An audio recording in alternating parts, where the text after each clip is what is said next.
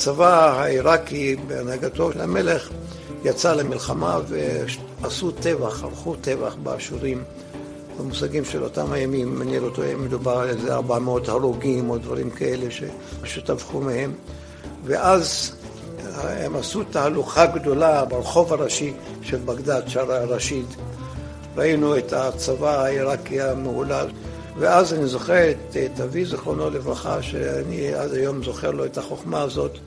הוא אמר, ילדים, אם זה מה שהם עושים לנוצרים, לנו ליהודים אין פה כבר מה לעשות.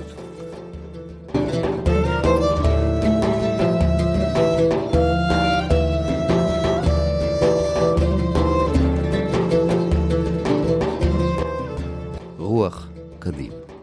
שלמה הלל משוחח עם עופר שמיר בעקבות ספרו האוטוביוגרפי המספר על חייו ופעילותו הציבורית. עורך ומגיש עופר שמיר.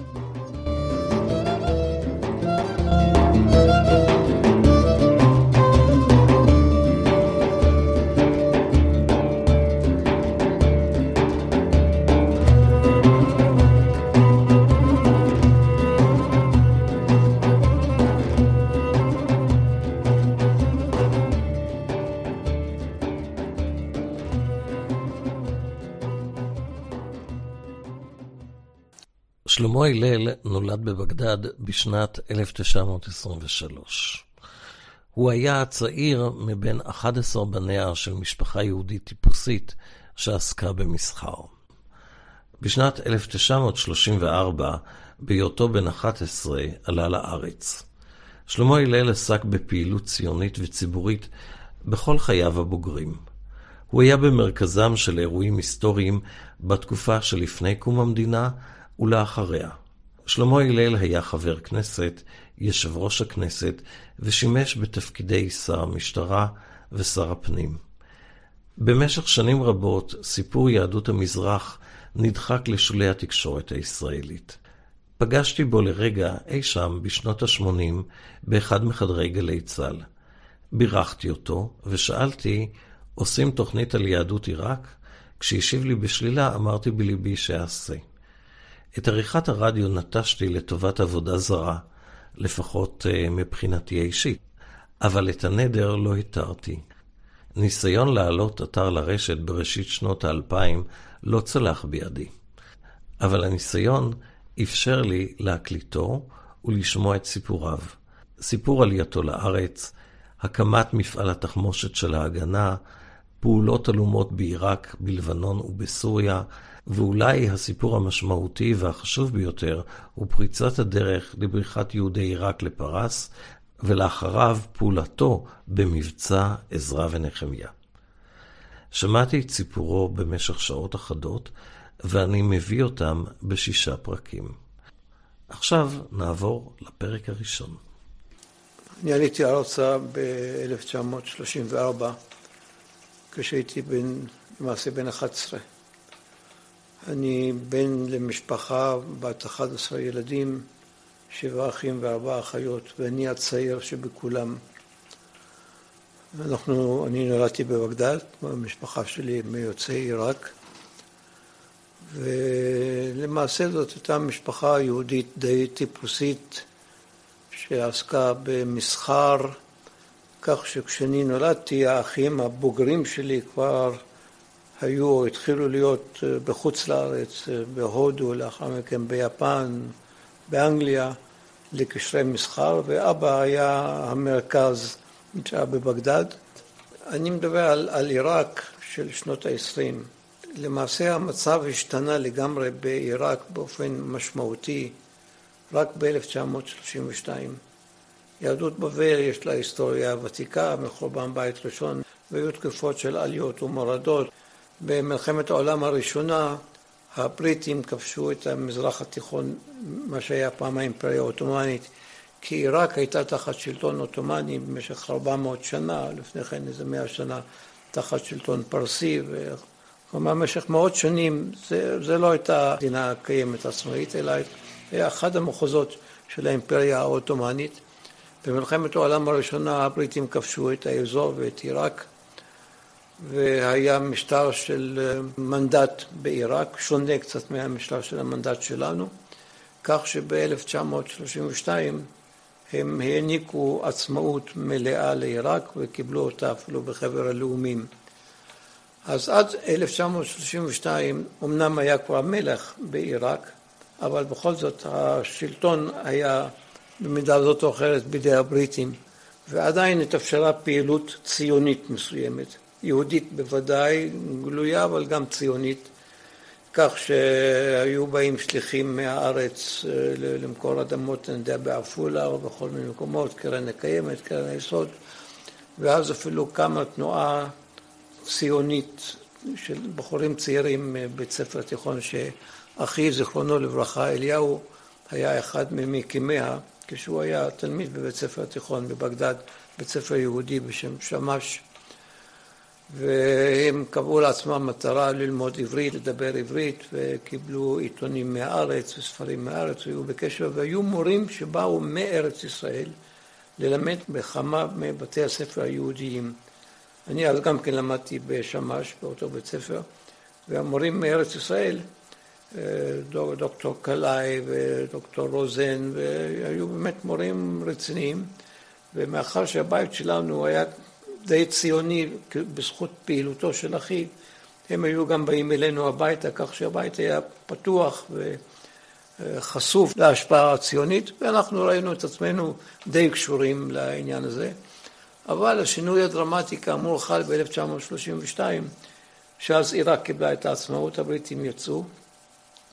ליתר דיוק, השינוי המשמעותי יותר חל ב-1933, כי בשנה ראשונה המלך שהיה בעיראק, הפייסל הראשון, הוא היה באמת גם אדם ליברלי, ואתה יודע, הוא זה שעשה את ההסכם בין פייסל לוויצמן, לשיתוף פעולה בין התנועה הלאומית הערבית ובין, ובין הציונות.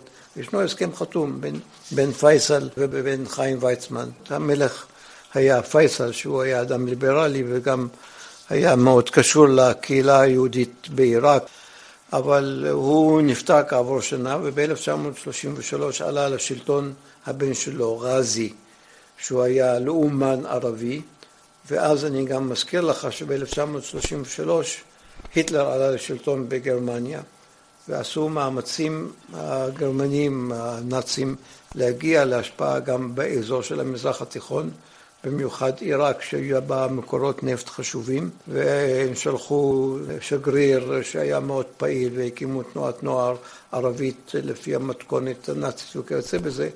ואחד הדברים הראשונים שהצבא העיראקי הנאור עשה, זה הייתה מלחמה נגד האשורים. האשורים זה כת קטנה כמה עשרות אלפים, אני לא, לא זוכר כרגע, שהייתה בייחוד בצפון עיראק, נוצרית, כת נוצרית מהוותיקות ביותר במזרח התיכון, שכמובן כשהבריטים היו בעיראק, אז הם מטבע הדברים היו קשורים לחלק הנוצרי והם שיתפו פעולה, הם היו בצבא או במשטרה או משהו כזה.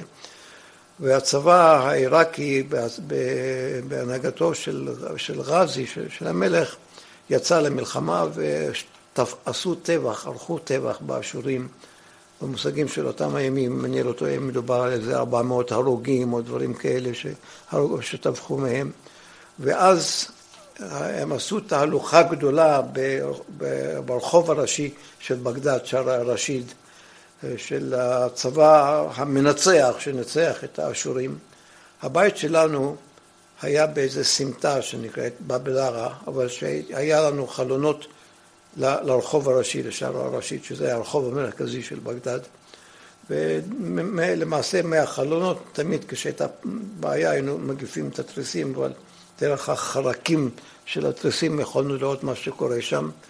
ראינו את הצבא העיראקי המהולל, שם היו גם ההפגנות של האשורה, של הנשים שהם מכים על עצמם וכיוצא בזה. ואז אני זוכר את, את אבי, זכרונו לברכה, שאני עד היום זוכר לו את החוכמה הזאת. הוא אמר, ילדים, אם זה מה שהם עושים לנוצרים, לנו ליהודים אין פה כבר מה לעשות. כלומר, הוא היה בין, בין האנשים שראו את הנולד. האמת היא שלא רבים. עד הקמת המדינה, עד 48', היו פה אולי מתוך הקהילה העיראקית שמנתה כ-150 אלף איש, לא יודע, אולי 6,000, 7,000, אולי 8,000 יוצאי עיראק. כל האחרים נשארו כי הצבא העיראקי וזה, והיו קצת רדיפות, והיו קצת הפגנות, והיו מדי פעם בעיות, אבל היהודים עשו כסף. גם בזמן, האמת היא שזאת הייתה גם תקופה של פרוספריטי מבחינתם של היהודים, וכך שאומנם היו מגבלות. ב-1933 גירשו את המורים שלימדו אותנו בבתי הספר היהודיים. והיה ברור שפה הולך לשנות לגמרי כל סדר היום העיראקי, גם כלפי עצמם וגם כלפי יהודים. ואז למעשה התחילה להתגבש אצלנו במשפחה ההרגשה שהגיע הזמן לקום ולעזוב. אמ, האח שלי שהקים את, היה בין מקימי תנועת אחי עבר, עלה לארץ. אז הייתה עלייה בלתי לגאלית, אבל זה לא היה מסובך, הם נסעו בלי, בלי בעיות כדי ללמוד. אז עוד, עוד לא היו מטוסים, אז היו, נסעו דרך המדבר, זה, זה בכל זאת אלף קילומטר, זה, זה משהו אה, במדבר. והוא הלך ללמוד במקווה ישראל, ושני האחים שלי שקודם לכן היו כאמור במסחר בהודו, כבר גם כן באו לארץ ישראל, ומאחר שהם היו נתינים בריטיים הם עבדו באדמיניסטרציה הבריטית. וב-1934 באנו לבקר, אבי ולקח אותי איתו לבקר בארץ בקיץ. והיינו צריכים לחזור, ואז אני התחלתי לבכות ואמרתי שאני לא רוצה לחזור, כי היה כבר ברור שהמשפחה עומדת לבוא, ואני רוצה כבר להישאר בארץ, אז אמנם לא משפחה... בן 11. אני בכיתי, בכיתי, אמרתי, אני לא רוצה לחזור לבגדד, אני רוצה להישאר פה בבית הספר, ולהפתעתי, באמת זה גם כן איזו תבונה שהוא גילה, הוא הסכים לזה, אמנם לא הייתי לגמרי לבד, היו לי פה שני אחים בוגרים, אבל הם היו בוגרים ממש, כך שהיו חוזרים מפעילויותיהם החברתיות אולי ב-11 בלילה. היה לנו, שכרנו חדר, היה לנו חדר, חדר ורבע בביתו של חלבן ברחוב סירקין בתל אביב. התנאים היו פרימיטיביים לגמרי באותה תקופה בארץ. ממש חיינו בפשטות גדולה. ואני חייתי איתם, תמיד מצאו אותי ישן עם הבגדים בבית הספר, בלי, בלי משפחה, בלי טיפול, ו... אבל אני נרשמתי לגימנסיה הרצליה, והייתי צריך להתמודד כעולה, אני חושב הייתי יחידי בגימנסיה הרצליה, אולי מיוצאי רק באותה תקופה. אם כי כבר היו, אני מדבר על 34, כבר היו עולים אחרים, אז היו עולים מגרמניה. ואני למדתי שם בלי כל הנחות, אני לא ידעתי קצת עברית מזה ש... הייתי מתלווה לאחי בכל מיני פעילויות, ידעתי לדקלם כמה שירים של ביאליק, על הר פרת ונהר חידקל או דברים כאלה, אבל היקים ידעו פחות. נכון. בתל אביב של אותם הימים הייתה עדיין חצי חולות. קודם כל שפת הים היה חולות. היו, היו ערבים מגיעים, מגיעים בתל אביב, בייחוד היו, היו שיירות של הגמלים.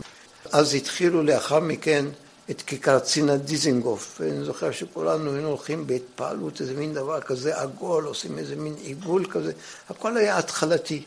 אבל זאת הייתה מדינה יהודית, דיברו עברית, הרגשת את עצמך כבר לא, לא נפחד מכל מיני נגיסות.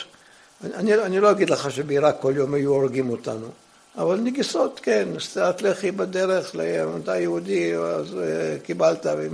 חזרת מבית הספר בלי סטירת לחי, אז היה לך מזל טוב. כלומר, נגיסות ת, תמיד היו, והפגנות אה, תמיד היו, ואז היינו מסתגרים בבית ונועלים את הדלת הכבדה. ופה הרגשתי את עצמי כבר כאחד, ראיתי בזה עניין באמת יהודי חלוצי. כמובן, הדבר הדרמטי ביותר שקרה, אה, כשנתיים לאחר מכן, לאחר בואי, זה היה מאורעות 36-39. וזה אני זוכר בצורה מאוד מאוד חדה וחריפה. כי אתה יודע, הייתה הרגשת ביטחון, אנחנו יישוב יהודי דוברי עברית, גימנסיה הרצליה עם דגלים והכל בסדר, זאת אומרת תנועת הצופים. ופתאום ביום בהיר אחד אה, הורגים ביפו, קרוב לתל אביב, מספר יהודים, ואז התחילו המאורעות של 36-39. והם נקברו בבית הקברות הישן בתל אביב, שזה היה קרוב מאוד לבית שאנחנו גרנו בו, אני זוכר אפילו את ההלוויות שהיו שם. כלומר, ואז למעשה נשתנו החיים בצורה שונה. אבל גם אז התחילו מאורעות ויהודים נהרגו והסכנה ערבה בכל מיני מקומות, אבל שני האחים שלי כבר היו בהגנה. והם, כלומר, זה, זה כבר היה מצב שונה לגמרי מאשר התחושה או תפיסת העולם של ילד יהודי בבגדד, שכאשר ישנה הפגנה צריכים לסגור את התריסים ולנעול את הדלת וכולי וכולי. ופה אז אמנם אנחנו נלחמים ונופלים קורבנות, אבל האחים שלי יוצאים כדי להגן על, על יישובים מטעם ההגנה וכיוצא בזה. כלומר, זה בכל זאת הייתה תחושה של תקומה יהודית. זה, זה קשה כיום לתאר את זה, כי היום זה כל כך מובן, מובן מאליו. אבל כשהאחים שלי היו גפירים עם כובע כזה ועם רובה והלכו לשמור, אז זה היה דבר שהוא נתן אה, תחושה מיוחדת במינה. אה, המאורעות נמשכו כמובן עד, עד 39, בעצם עד פרוץ מלחמת העולם השנייה.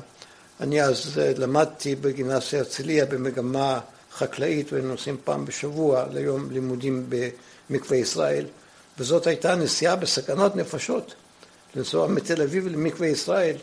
היו צריכים, אני יודע, אם, טוב, לא, לא כל המכוניות היו משוריינות, אבל חלונות עם רשתות, ושלא יזרקו עלינו אבנים או פצצות או דברים כאלה.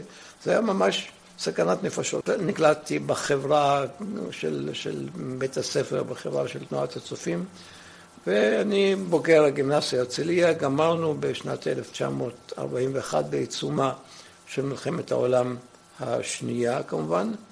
וכחניך תנועת הצופים, הקבוצה שלנו החליטו לא להסתפק במסורת של בדם פאוור, אתה יודע, עם כובעים ומשרוקיות ועניבות, ואמרנו, אנחנו רוצים להקים יישוב חלוצי של יוצאי תנועת הצופים. קראו לזה תנועת הצופים א', שאז אנחנו יצאנו, ואז באמת היה לי משבר קשה מאוד עם המשפחה שלי שכבר עלתה לארץ, הם עלו כמה חודשים או שנה לאחר שאני כבר הייתי. ובו בזמן שאבי, אני אמרתי שהוא גילה הבנה גם בזמן הצבא העיראקי וגם בקשתי להישאר בארץ, את העניין הזה שאני רוצה לעזוב את הבית שלנו, כבר היה להם, היה להם משפחה פרדס בפתח תקווה, הוא אומר, אתה רוצה לעבוד בחקלאות, אז תעבוד פה אצלנו, למה אתה צריך ללכת לקיבוץ? זה הוא לא היה מסוגל לעכל, היה לי באמת משבר קשה מאוד. אבל אני החלטתי להתמיד בתפיסה שלי ויצאתי עם הקבוצה שלנו, אז יצאנו להכשרה לדגניה א', זאת הייתה אחת באמת התקופות שאני חושב שככה השפיעה עליי מבחינה תפיסת העולם שלי, מבחינה חינוכית. אנשי דגניה א' זה, זה, זה משהו מיוחד במינו, מראשוני התנועה הקיבוצית, באמת אנשים מיוחדים במינם. ולאחר מכן אנחנו המשכנו והחלטנו להקים יישוב שלנו, מה שכיום מעגן מיכאל. בתווך הייתה תקופה ב-1945, כשאנחנו ישבנו בפרדס חנה, קבוצת הצופים א', שכבר הצטרפו אליה גם בית הספר הריאלי בחיפה וגם שתי קבוצות של עליית הנוער. עליית הנוער שחלקם הגיעו ערב מלחמת העולם השנייה על ידי המפעל של הנרייטה סולד, והם היו בהכשרה בעין גב, גם אשתי הייתה בהכשרה בעין גב, נוער ב', והצטרפו אלינו, אז כלומר כבר היינו שלוש קבוצות, בוגרי גימנסיה הרצליה, בוגרי בית ספר ריאלי בחיפה, ושתי קבוצות של נוער עולה אה, מעליית הנוער שהיו בהכשרה בעין גב, היינו בפרדס חנה, וב-45, כשישבנו בפרדס חנה, כל הקיבוץ שלנו, קבוצת הצופים א', מחכים לכספים מהסוכנות ובייחוד לשטח אדמה כדי להקים יישוב ראשון של תנועת הצופים. אז אני הייתי מרכז המשק של הקיבוץ שלנו. משק של ממש לא היה לנו, היינו שם פלוגת עבודה, אז תפקידו של מרכז המשק היה למצוא מקומות עבודה לבחורים, שזה היה יחסית קל, אם כי אז הייתה בכל זאת אבטלה. עבדנו בפרדסים בהתחרות עם הערבים, ממש בעבודה קשה, ממש עבודה קשה. והבנות עבדו במשקי בית בפרדס חנה וכרכור ובסביבה, ואני בתור מרכז משק, היה לנו משק קטן, איזה שתי פרות ותרנגולות ואיזה חלקת גן ירק. עיקר העבודה שלי היה למצוא את עבודה לבחורים וגם לבחורות, והייתי הולך לאסוף את הכסף. ואז התחלנו לעבוד באיזה מקום, אחד המפעלים של ההגנה של תעשיית הנשק. מצאתי כמקום עבודה של שם עבדו כמה בחורים. ב-45' חלה שינוי דרמטי אצלנו, שאז אני נקראתי יחד עם דן אמיר, שהוא היה מעליית הנוער, אז הוא היה גזבר ואני הייתי מרכז המשק. שנינו נקראנו ליוסף אבידר, אלוף מיל יוסף אבידר, שהיה סגן הרמטכ"ל, לאחר מכן שגריר במוסקבה, היה שגריר בארגנטינה, ונתמנה אז ב-45' להיות האחראי על התעש, התעשייה הצבאית במחתרת של ההגנה, כי היה צריך לייצר נשק באותה תקופה. ואז הוא הסביר לנו שיש סיכויים, כבר נסתיימה מלחמת העולם השנייה באירופה, עדיין לא במזרח הרחוק, שיש סיכויים להקים מדינה יהודית, יש אולי אפשרות כזאת, ואז כללי המשחק, כמו שהוא אמר, לגמרי נשתנו, כי עד אז למעשה מה היה? כל העניין הזה של ההגנה, אז היו תוקפים איזה עשרה ערבים, מאה ערבים היו תוקפים איזה יישוב יהודי, יורים עליהם חזרה, נהרגים שני בחורים, עשרה ערבים, או בדרך לירושלים. כשהיו סכסוכים עם הערבים, זה היה עם יחידות קטנות. ואז יוסף אבידר אמר, אם אמנם יקימו מדינה יהודית, אנחנו צריכים לשנות לגמרי את כללי המשחק, כי נעמוד לא מול התקפה של ערבים ארץ ישראלים, אלא מול הצבאות הסדירים של מדינות ערב. ולצורך זה אנחנו צריכים להקים צבא לא של כיתות קטנות של עשרה אנשים או משהו כזה, אלא צבא של אלפים. ולכל אחד צריך לתת רובה. והעניין של הרובים, מצאנו לזה פתרון. זה תת מקלע סטן, שהיה מקובל במלחמת העולם השנייה, שהוא נשק פרימיטיבי מאוד, והחלטנו והצלחנו להעתיק אותו בצורה עוד יותר פרימיטיבית. אתה לוקח צינור באורך מסוים עם קפיץ, מלחימים אותו כמעט בכל בית מלאכה, אתה יכול לעשות את זה. ואז, אבל ברגע שאתה מושך בנצרה, עפים עשרים כדורים. הבעיה שלנו זה תחמושת. אם אין תחמושת, כל העסק הזה לא שווה כלום. ואז הוא אומר, החלטנו, אנחנו צריכים עכשיו להקים בית חרושת, לא מפעל, ממש בית חרושת ממוכן, חשמלה, בחשמל וכיוצא בזה, בית חרושת ממש, בעומק מתחת לאדמה, לייצר דבר אחד שהוא קרדינלי, רק כדורים, תשעה מילימטר שמתאימים לתת מקלע סטן. וזה הדבר הקרדינלי מכל הדברים שאנחנו עושים אותם, כדי שיהיה ללוחמים במה ללחום. והחלטנו להטיל על הקבוצה שלכם ללכת לבנות את המפעל הזה מתחת לאדמה, לעבוד בו ולהוות בו כיסוי. מה זה כיסוי? שכשיבואו שוטרים בריטים אז יראו קיבוץ צעיר עם ילדים, עם תרנגולות ועם פרות וכיוצא בזה, אתם הכיסוי. מה, מה קורה אם הכיסוי מתגלה זה כבר סיפור לגמרי אחר. אבל זה אנחנו צריכים, אנחנו רוצים להטיל עליכם. אתם, יש לכם תוכניות להתיישבות, התיישבות ימית, אז דיברנו, תשכחו מזה לגמרי. זה יידחה לזמן בלתי מוגבל, אתם צריכים לקבל על עצמכם את, את השליחות הזאת, את התפקיד הזה. וכששאלנו אותו, אבל איפה זה יהיה? הוא אמר, אני פה לא יכול להגיד לכם יותר כלום. אם אתם לא נותנים לי תשובה חיובית, אני לא יכול להגיד לכם יותר פרטים. אז איך ניתן תשובה חיובית? דן ואני, אה, קיבוץ כמו דמוקרטיה באתונה, צריכים כל חברי קיבוץ להתאסף ולהחליט. בקיצור, אנחנו חזרנו אליו כעבור שעה, אמרנו לו שיש לנו תשובה חיובית, הוא אומר, איך תעשו את זה? ישבנו דן ואני על המדרכה ברחוב, וחשבנו, כי זה מאוד הקסים אותנו קודם כל. וראינו בזה גם אתגר. ולמען האמת, בתור מרכז משק שעסק בחיפוש מקומות עבודה, ראיתי בזה מקום עבודה לשנים. לא, לא ידעתי שהמדינה תפרוץ כעבור שנתיים, שלוש. אז אמרנו שאנחנו שנינו נבוא לקיבוץ, ונגיד שקיבלנו את זה על עצמנו, ואם הקיבוץ לא יסכים, שנינו נעזוב את הקיבוץ, כך שזה... וכך זה היה, והזמנו את יוסף אבידר להופיע בפני הקיבוץ באיזה מוצאי שבת. והיה צריך לעשות כל מיני תרגילים, אנחנו ישבנו בפרדס חנה, וההורים שלנו, חלקם בתל אביב, חלקם בחיפה, בחצי הדרך בשבתות, היו באות המשפחות, מביאים קצת אוכל, כל מיני דברים כאלה, וצריך היה להיפטר מהם. כי התנאי היה שאיש, חוץ מאלה, ש... חוץ מכל חברי הקיבוץ, ואלה שקשורים לעניין, איש לא ידע. לא אחים, לא אחיות, לא הורים, לא ידידים, אף אחד.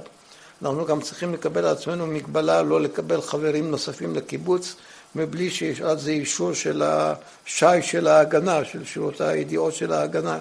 לא יכולים לקבל אף אחד ואף אחד לא יכול לבוא אלינו, כל מיני מגבלות כאלה. בקיצור, קיבלנו, זה, זה, זה סיפור ארוך, אבל קיבלנו את זה על עצמנו. יוסף אבידר הופיע בפני הקיבוץ במוצאי שבת, גירשנו את כל הקרובים שהיו בשבת, אמרנו שכל הקיבוץ יוצא לטייל בנגב, הבאנו שתי מכוניות מסע, שמנו על זה פקלח, גירשנו את המשפחות, הוא הופיע, הוא נאם בפני חברי הקיבוץ. היה ויכוח די סוער, משום שחלק מחברי הקיבוץ אמרו, רגע אחד, אנחנו עזבנו את הבתים הטובים שלנו בחיפה או בתל אביב, כדי לעבוד בחקלאות, כדי לעשות דבר חלוצי, מה זה לעבוד בבית חרושת, מתחת לאדמה, זה לא, לא כל כך הלהיב. אבל כמובן שבסוף התשובה הייתה חיובית.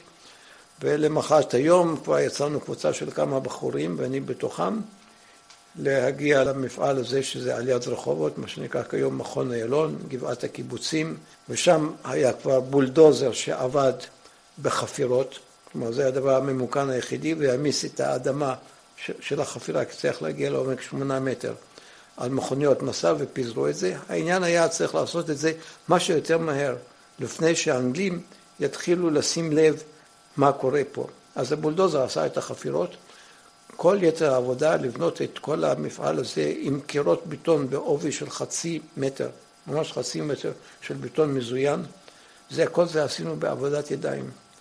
עם, עם מריצות, לא, זה לא, לא היו אז המכונות של ימינו האלה. הייתה אמנם כזה, דבר כזה שמסתובב, שמערבב את הבטון, ואחר כך לקחת את זה במריצה על קרש דק עם גלגל אחד. ואני אף פעם לא הבנתי למה לא יכולים להיות שני גלגלים, כי אתה יודע, זה מתנדנד, אפשר כמעט ליפול. אבל היינו צריכים תוך שלושה שבועות, גמרנו את היציקה הזאת של המפעל הזה שהוא עצום בגודלו, זה שלושים וכמה מטר אורך, כמו מגרש טניס בערך, סדר הגודל שלו. כדי מהר מהר לכסות את זה באדמה. כבר כיסינו את האדמה, מבחינה הזאת נרגענו, ולאט לאט התחלנו גם להביא את האנשים ואת הילדים ואת הפרות ואת התרנגולות, וזה היה כבר יישוב של ממש, כלומר פלוגת עבודה, אז קראו לזה, זה לא היה יישוב. זה היה למעשה עוד לפני שהתחילו ערב ההתחלה של עבודה ממש בתוך המפעל למטה, אני שם כבר לא עבדתי, אשתי עוד עבדה שם, אז לא היינו נשואים, היינו רק חברים.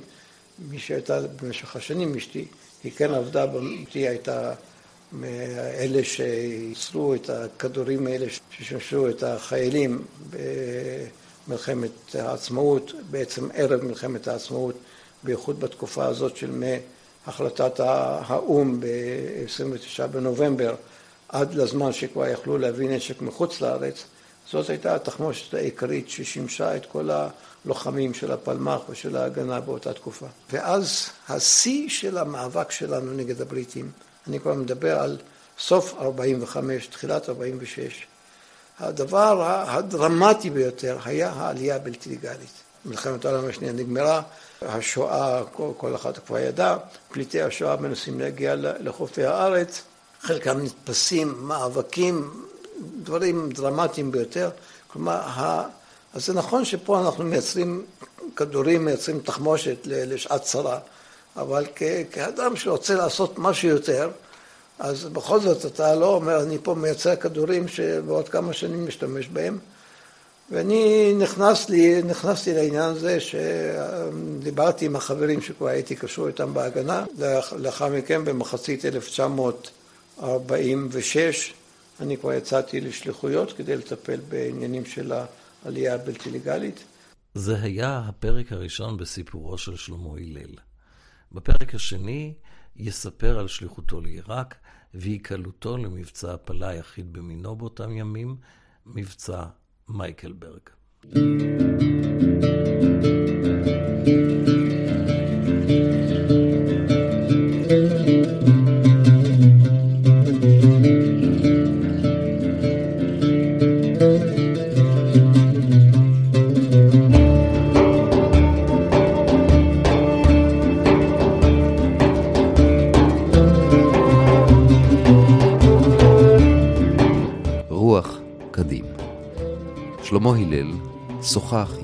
שמיר בעקבות ספרו האוטוביוגרפי המספר על חייו ופעילותו הציבורית. ערך והגיש עופר שמיר. thank you